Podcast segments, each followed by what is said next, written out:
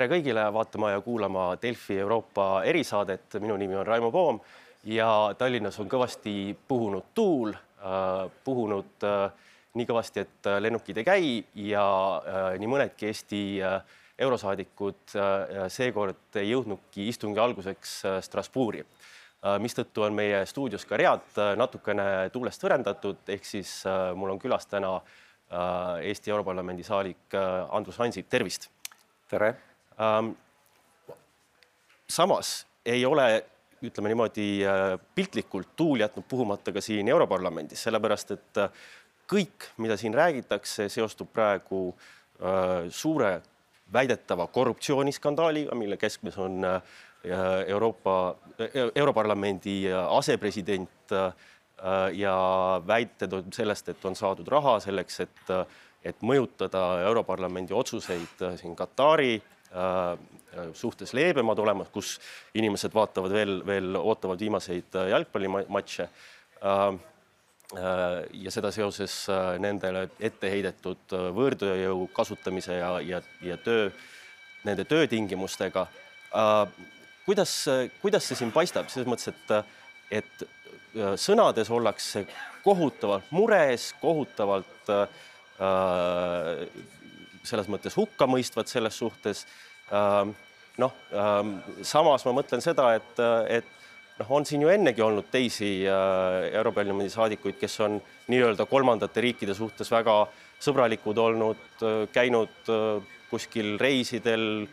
Krimmiski ja nii edasi, et, et seekord paistab see torm millegipärast palju-palju suurem, miks see nii on? No ega vist varem ei ole olnud Euroopa Parlamendi asepresident see inimene, kes on siis vahistatud ja, ja väidetavalt kelle kodust või, või kelle elukaaslaselt või kellelt endalt on suures koguses sularaha ära võetud, et paremad olijad teavad, et, et, et sellist skandaali pole varem Euroopa Parlamendis olnud, aga ka pärast eilseid debatte meie parlamendirühmas ja, ja ka plenaaristungil kuuldud sõnavõtte, ega see olukord siin parlamendis ju selgem ei ole, kui ta on kogu üldsusele. et me teame seda, et, et on süüdistused nii rahapesus kui ka korruptsioonis. teame seda, et on ära võetud kuussada tuhat eurot sularaha kuueteistkümnest eri kohast, nüüd on läbi otsitud juba praeguseks kakskümmend kohta, aga milles seisnes rahapesu, sellest ei ole absoluutselt kusagil mingit informatsiooni korruptsioonisüüdistustega on rohkem spekulatsioone kui selgust, et kes mida tahtis osta. põhiliselt räägitakse siin parlamendis sellest, et menetlemisel on siis viisarežiimi kaotamine Katari ja Kuveidi ja siis Euroopa Liidu vahel ja et neid otsuseid siis on tahetud mõjutada, aga ausalt öeldes see tundub täiesti ebareaalne, mitteusutav, et,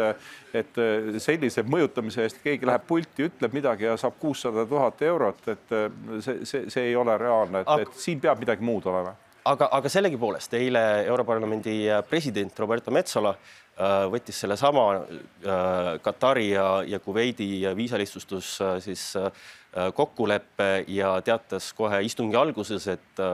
see nüüd ei lähe hääletusele, läheb tagasi komisjoni või sahtlisse. ma mõtlen just selle peale, et, et see reaktsioon on väga tugev. Aga noh, nagu me tunneme siingi, siis Euroopas on energiasääst, meil on energiapuudus seoses Vene sõjaga Ukrainas ja üheks selleks päästjaks on olnud, ütleme otse, Katar kellega on Kadri Simson, Ursula von der Leyen teinud kokkuleppeid gaasi tarnimiseks. Noh, see käik eile selle peale, selle, selle väidetava skandaali peale, ma ei tea, kas see teeb komisjoni rõõmsaks, kui, kui parlament paneb selle viisa, viisaleppe kuskile külma. noh, arvestades, et loodetakse leevendusi Katarilt, eriti just gaasitarnete ja niisuguste asjade poolest oi, ei tee see praegune skandaal kellegi olukorda kergemaks. Ja ka olgu öeldud, et ega Belgia kohus ei ole ju praeguseks öelnud, et tegemist on Katariga. Hmm.. Belgia kohus on rääkinud lihtsalt äh, mingitest Araabia äh, poolsaare riikidest ja, ja see on väga udune vihje, et, et ülejäänud kõik on kusagilt lekkinud või, või, või, või spekuleeritud, et ega me täpselt ei teagi, millega tegemist on, aga me eeldame, et, et, et see riik, kellest jutt käib, peab olema Katar võib-olla ka servapidi Kuveit, võib-olla mõlemad, et ega keegi täpselt ei tea noh, milles seisnes see korruptsioon, keda taheti kuidas mõjutada ja no milles lõpuks see rahapesu seisnes, et pigem need summad sularahas noh, kõnelevad rohkem rahapesust, aga jah no korruptsioon on selgelt siin majas hukka mõistetud, aga, aga nagu me ka noh, praegusest kaasusest näeme, et, et need hukkamõisted ise on äh, mõned hukkamõisted ise on rüütanud ennast siis äh, korruptsioonivastase võitluse rüüsse ja, ja äh, noh, varjunud siis mittetulundusühingu taha, kes siis äh, võitleb karistamatusega Itaalias, et mm, ega raske on ära tunda korruptanti, silti tal rinna peal kindlasti ei ole. nüüd ma arvan, et, et äh, see äh, otsus mitte praeguses äh, väga segases ja pingelises õhustikus menetleda Katari ja Kuveidi viisavabaduse, vabastamise küsimust, et, et see on mõistetav kogu maailmale, mitte ainult siin Euroopa Parlamendis, vaid, vaid igal pool mujal ka. Et vajame rohkem selgust, vajame mm, noh, teadmist, kuidas praegu siis parlamendi libekomitees eelnõu menetlemine täpselt kulges, kas keegi oli mõjutatud, ei olnud mõjutatud. Äh, minu meelest on igati mõistlik see eelnõu saata komisjoni tagasi ja oodata siis sealt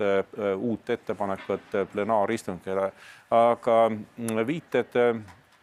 Katarile Äh, on, on loomulikult ka Katari äh, riiki jõudnud ja nemad on ennast äh, igasugusest altkäemaksust ja mõjutamisest täielikult distantseerinud, midagi muud sel puhul ka ei oleks oodata. ja samas me ei saa ju praegu ikkagi no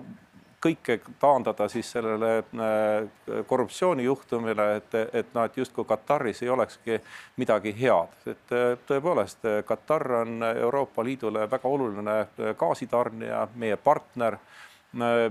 ka võõrtööjõuga ma ei häbene seda öelda, ma olen seda siin ennegi öelnud. Katar selles regioonis on, on teinud vähemalt mingisuguseid Äh, kaitsemehhanisme äh, seadustanud, äh, et noh, kui ma kunagi olin Araabia Ühendemiraatides aastavahetusel, siis keskpäeval, kui temperatuur oli nelikümmend viis kraadi, need võõrtöölised töötasid kõrghoone korrustel ja, ja mitte mingisugust pausi ei peetud. minu teada Kataris on seadusega keelatud kella kümnest hommikul kella neljani pärastlõunal ehitustel töö tegemine, et mingisugused elementaarsed töötajate kaitsereeglid on Kataris kehtestatud, mida ümberkaudsetes riikides kehtestatud eh, tegelikult ju, ju ei ole, et mm, Katar on ka Euroopa jaoks oluline poliitilises mõttes, sest see on selle regiooni no üks vähestest või pea ainus riik, kes on äh, Ukraina-Venemaa äh, küsimuses hääletanud nii nagu Euroopa Liit ehk ta on ühemõtteliselt Vene agressiooni Ukrainasse äh, hukka mõistnud. et ma ei, ma ei läheneks Katarile selle ühe korruptsiooniskandaali tõttu siis päris mustvalgelt ja ütleks, et Katar on äh, kõige mustem riik äh, mustade riikide hulgas kogu maailmas. okei okay,, äh, no kuussada tuhat ja Europarlamendi asepresident ja nii edasi suur,, suur-suur skandaal. noh, ei võta mustvalgelt, aga aga kui me vaatame nüüd. seda tuleb kindlasti võtta mustvalgelt ja see on üheselt hukkamõistetav, aga öelda, et, et Kataris ei ole üldse midagi äh, kunagi inimõiguste kaitseks tehtud või, või et eh, nad ei ole meile usaldusväärseks partneriks, eh, no see, see pole päris aus. ja kui me nüüd vaatame need jalgpalli maailma karikavõistlusi, siis noh, mõneti ju mõjub ju see variserlikuna, kui me kõik aktsepteerisime olümpiamängude korraldamist Hiinas või, või olümpiamängude korraldamist Sotšis või jalgpalli maailma karikavõistluste korraldamist Venemaal. Ja, ja see sobis kõigile suurepäraselt ja, ja siis siis järsku nüüd Katar enam meile ei sobi, ehk nagu The Economist kirjutas, kui me tahaksime kõikidelt tulevastelt maailma karikavõistluste korraldajatelt samade tingimuste täitmist, mida me praegu nõuame Katarilt, siis jääksid need mängud tsirkuleerima Norra, Soome ja Rootsi vahele. Äh, no nii, aga tuleme äh, Euroopa südamesse tagasi, sest et, äh, et siin on eriti viimased paar nädalat olnud juttu tegelikult kulmineeruvalt aasta peale ja, ja siin pikemas perspektiivis hoopis suurematest summadest. ja, ja eriti on teinud siin ilma uudistes Ungari, kes on süstemaatiliselt erinevate vetodega siin noh, aasta peale, aga nüüd ka Äh, proovinud vetostada Ukrainale abi andmist, äh, siis rahalist abi andmist, proovinud äh, sanktsioone venitada, kui mitte sealt välja võtta mingisuguseid endale sobivaid nimesid. noh, Euroopa Liidu ülemaailmse maksukokkulepe ja nii edasi. kõik teame, miks nad seda teevad, sellepärast et,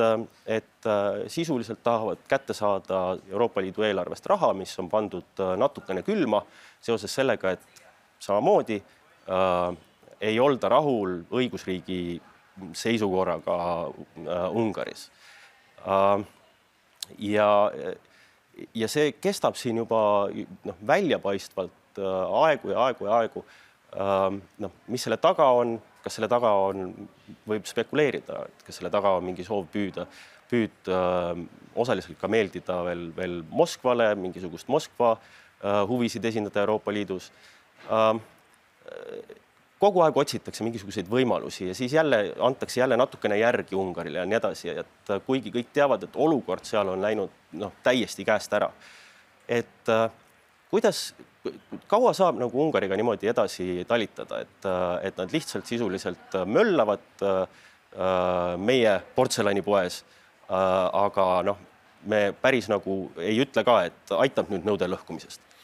no ei talu me seda, et äh, keegi raha eest esindab äh, Katari huve Euroopa Parlamendis või Euroopa äh, Liidu institutsioonides ja ei talu me ka seda, kui keegi tegelikult esindab siis Venemaa huve Euroopa Liidus ja noh, Ungari käitumine noh, jätab kaksipidi mõistmiseks mitte mingisugust võimalust, et Ungari selgelt kaitseb Venemaa huve ja, ja ma arvan, et, et väga paljud ka siin parlamendis võtavad Ungari käitumist just väärtuspõhisena et eh, kas sa õigustad Venemaa sõda Ukrainas või, või mõistad selle ühemõtteliselt hukka ja, ja, ja see on, see on see peamine küsimus, millest kõik järgmised küsimused eh, lähtuvad. Eh, Ungari tõepoolest on oma oma käitumisega pidurdanud Euroopa Liidu otsustusprotsessi ja noh, see on ju veel kord üks argument selleks, et et tuleks üle vaadata see ühehäälsuse põhimõte Euroopa Liidus. me ei saa lubada seda, et, et üks Euroopa Liitu liikmesriik, kes mingitel põhjustel räägib Euroopa Liidu huvide vastast juttu ja ka käitub Euroopa Liidu huvide vastasena, et tema võiks siis paralüseerida, blokeerida kogu Euroopa Liidu tegevuse nüüd, eh, kas eh, Ungaril järjekordselt õnnestub siis midagi välja pressida, et eh, nad pidurdavad protsesse, no sinnasamma tuleb ju panna ka see NATO-ga liitumise takistamise Rootsil ja Soomel, eks, et kas ta pidurdab protsesse ja siis Euroopa Liit annab järele ja, ja avab siis mingisugused rahavood Ungarile. ma tunnen, et, et see konflikt on läinud nii kaugele juba, et ja, ja olukord Ungaris on läinud nii kaugele, et, et, et siin mingeid järeleandmisi Euroopa Liidu poolt ilmselt tulema ei ei saa, sest et äh, õigusriigiga olukord Ungaris on äh, väga halb, äh, kui poliitiliselt otsustatakse, mida prokurör peaks uurima või mitte, no siis ka korruptsioonijuhtumid analoogilist selle Katariga, et noh, keegi uurima ei hakkaks, kui, kui see Orbanile ei meeldiks, eks. et õigusriigiga on olukord väga halb ja, ja seetõttu Euroopa Komisjonis minu teada küpsevad plaanid peatada äh, Ungarile kuuekümne viie protsendi ulatuses ühtekuuluvusfondidest väljamaksete tegemine. me ei räägi mitte mingisugusest taasterahastusest, rahastust või, või täiendavast uuest rahast, vaid, vaid, vaid räägime praegu sellest, et juba äh, toimivad toetusskeemid või makseskeemid Euroopa Liidust Ungaris, et, et need võivad peatuda. no kuuskümmend viis protsenti maksetest Eestile, see tähendab, et kaheksast miljardist viis oleks läinud nagu kits oleks sabaga löönud. me kujutame ette, mida viis tähendab Eesti jaoks, see on ikkagi noh, peab pool meie aastasest riigieelarvest jääks meil saamata, jutt on seitsmest aastast muidugi. et, et see, see, sellel on väga märgatav mõju Ungarile ja jutt ei käi mitte ainult sealt seitsme koma viiest miljonist Ungari puhul, vaid lisandub veel üksteist koma viis ja neid summasid muudkui hakkab aga tulema, et, et äh, Ungari on võtnud iseendale kohustuse mingit seitseteist äh,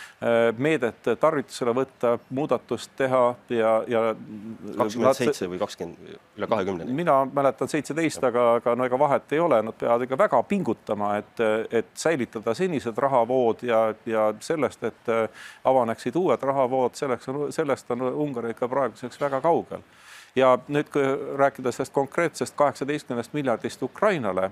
et siis noh, senine rahastamismehhanism Euroopa Liidu poole pealt vaadatuna on olnud suhteliselt kohmakas, eks see, on toimunud siis noh, riikide, liikmesriikide kahepoolsete garantiide alusel ja noh, uus ettepanek oli oli, seisnes selles, et, et võetakse siis karantiina kasutusele Euroopa Liidu eelarve Äh, reservid või, või puhversummad, äh, mida hetkel ei kasutata ja siis selle alusel äh, antakse siis laenu Ukrainale, mis oleks taganud siis pikemaajalise rahavoo ja selgema või järjepidevama rahavoo, sest nende kahepoolsete garantiidega on nii, et, et igas riigis on omad protseduurid ja ja kui Eestis on üks parlament, siis siin Belgias on neid eri tasandi parlamente päris mitmeid ja, ja see otsustusprotsess on aeglane, ehk siis Ungari tegelikult blokeer-, blokeeris selle sujuvama ja, ja, ja ka pikema perspektiiviga rahastamisskeemi ja sisuliselt Euroopa Liit oli sunnitud siis tagasi pöörduma selle esialgse skeemi juurde. see toimib, me saame hakkama ilma Ungarita aga loomulikult äh, ühehäälsuse põhimõttega Ungari kaasamine noh, oleks siis äh, kõigi jaoks parem vähem bürokraatiat Euroopa Liidu liikmesriikides ja suurem äh, kindlus äh, Ukrainale. no äh, just, aga see tähendabki seda, et, et ka kui tuleval aastal seda kaheksateist miljardit üritatakse Ukrainale maksta, siis see, see võib jälle võtta nii-öelda nagu ütlesite e, palju aega, kui see, kuni see ära menetletakse ja, ja kõik sellele heakskiidu annavad ja nii edasi. et kui vaadata seda aastale tagasi, mis on täiesti erakorraline aasta. Äh, noh, meie, meie maailmajaos seoses selle Venemaa kohutava kallaletungiga Ukrainale. Äh, ja kõik see, mis on tulnud teha Ukraina abistamiseks, Venemaa karistamiseks ja nii edasi. Äh, Euroopa Liit on selles kahtlemata nagu suurt rolli omanud, aga kas mitte pole olnud enda asjadega samamoodi nagu selle kaheksateist miljardiga, et, et on tahetud küll kiiremini ja paremini, aga ikka need asjad on võtnud väga palju aega, tihti rohkem, kui me sooviks. et,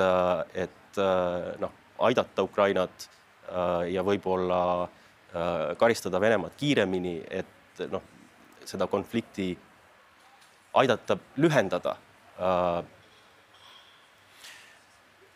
loomulikult oleks me saanud teha kõike kiiremini ja, ja suuremas ulatuses või oleks tahtnud mõned riigid teha kiiremini ja suures ulatuses, aga, aga Euroopa Liidus on siiski kakskümmend seitse liikmesriiki ja, ja noh, see ühehäälsuse põhimõte eeldab seda, et, et me peame ikkagi kõigi käest nõusoleku saama mina ei oleks Euroopa Liidu suhtes ja tema tegutsemise kiiruse suhtes ülemäära kriitiline, et seda kriitikat on olnud ja seda on tulnud eriti just Saksamaa aadressil, Prantsusmaa aadressil, aga, aga tunnistagem, lõppeks on ikkagi need riigid, need, kes on kõige suurema panuse sinna andnud ja, ja, ja kõige suuremat panust sinna andmas ja, ja lõpuks on ka need, need riigid, kelle abile me saame siis loota, kui meil peaks häda käes olema ja, ja abi vaja olema viimased küsitlused Ukrainas kõnelevad sellest, et ehm,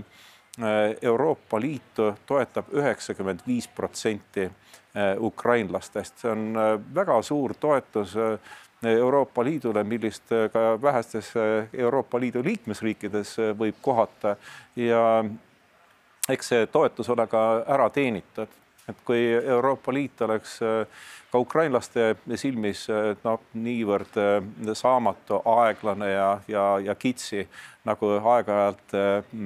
Euroopa Liidu liikmesriikide ajakirjanduses seda näha võib, et, et vaevalt, et siis toetus Euroopa Liidule Ukrainas nii tugev oleks, nagu ta praegu on. Mm. Aga kuidas on selle teise, mündi teise poolega ehk siis sanktsioonidega Venemaale, et praegu äh, valmistatakse ette üheksandat äh, sanktsioonide ringi. Äh, no ei ole see Venemaa masinad seisma pannud. Äh, kriitikud ütlevad, et, et ikkagi on Venemaa saanud seda sõda rahastada ja ei ole pikali kukkunud, et on, on need sanktsioonid üldse toiminud? No kindlasti on need sanktsioonid toiminud, aga osad sanktsioonid alles hakkavad toimima, et kui me räägime nüüd äh, naftast, äh, siis äh, see ju alles praegu hakkab toimima, et, et ega sanktsioonide mõju ei, ei ole veel käes ja muidugi tagantjärgi tarkusena tuleb öelda, et, et Euroopa Liit ei oleks pidanud ronima sellesse ühepoolsesse energiasõltuvusse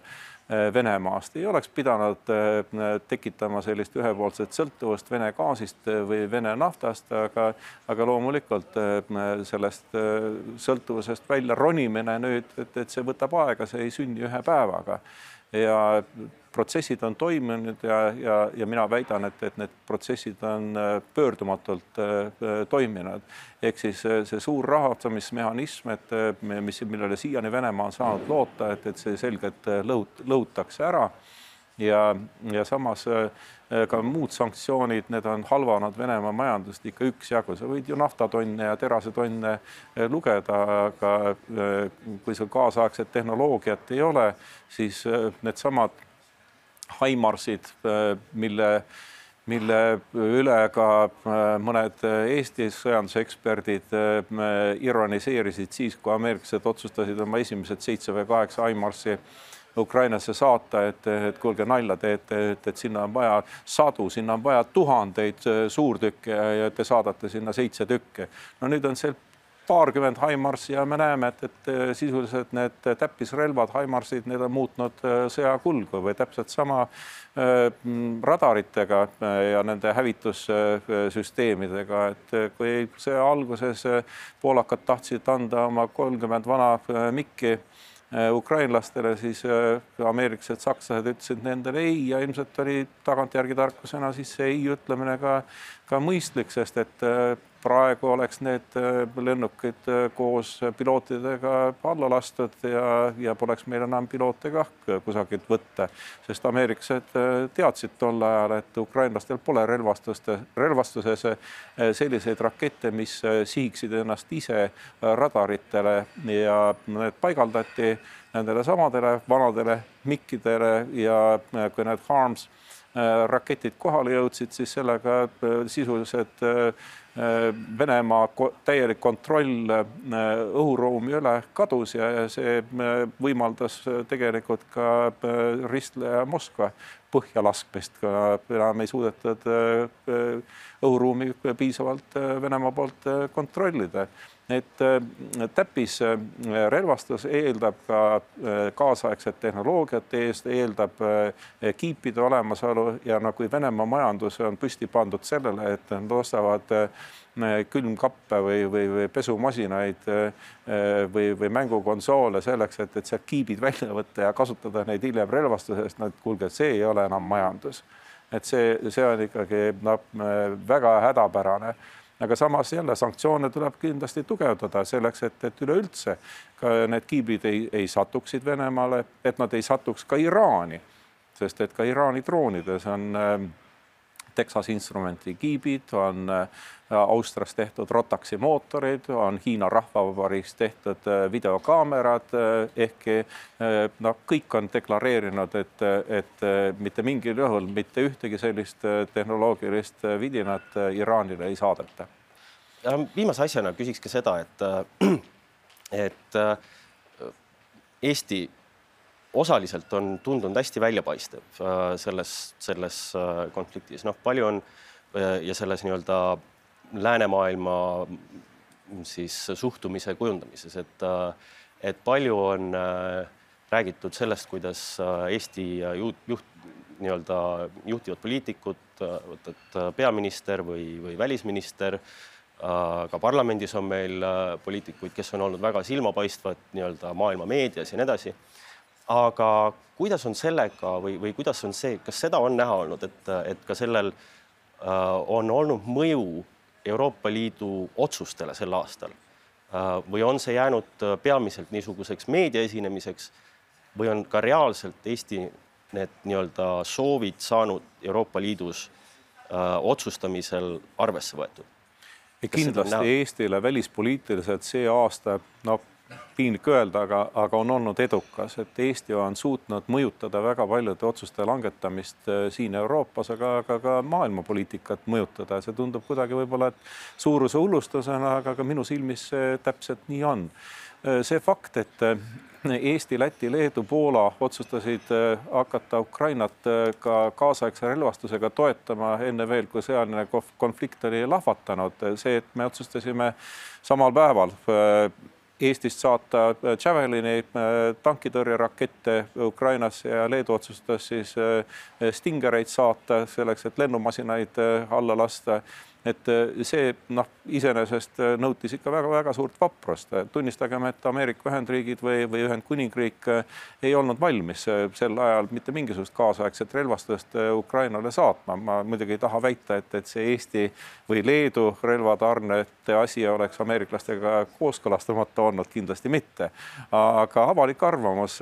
pärast seda, kui Afganistanist sisuliselt ikkagi kiirkorras jalga lasti ja sinna kogu relvastus, kaasaegne relvastus maha jäeti. avalik arvamus ei Ühendkuningriigis ega, ega Ameerika Ühendriikides äh, aktsepteerinud seda, et, et võiks jätta Ukrainasse siis ka või võiks sinna saata kaasaegset relvastust, sest kui Putin uskus, et ta võtab Kiievi ära kolme päevaga, siis me ei pruugi arvata, et selliseid mõtlejaid ei olnud ka Washingtonis ja, ja, ja Londonis. et tänu meie saadetud Javelinidele, tänu Leedu saadetud Stingeritele, noh, Ukraina hakkas vastu ja hakkas tugevalt vastu ja saatis sõnumi maailmale, et Ukrainat on mõtet aidata, et, et see oli tegelikult väga vapper samm. tegutsesime otsustavalt kriitilisel ajal ja selle eest müts maha Eesti praeguse valitsuse ees, aga ka muud poliitilised otsused. Ukrainale Euroopa Liidu kandidaatriigi staatuse andmine et noh, võtab see kandidaatriigist, liikmesriigiks saamine aega, palju ta võtab, aga, aga vähemalt on Ukrainal selge perspektiiv. kui me teeme kõik ära, kõik reformid, muidugi kõigepealt tuleb sõda lõpetada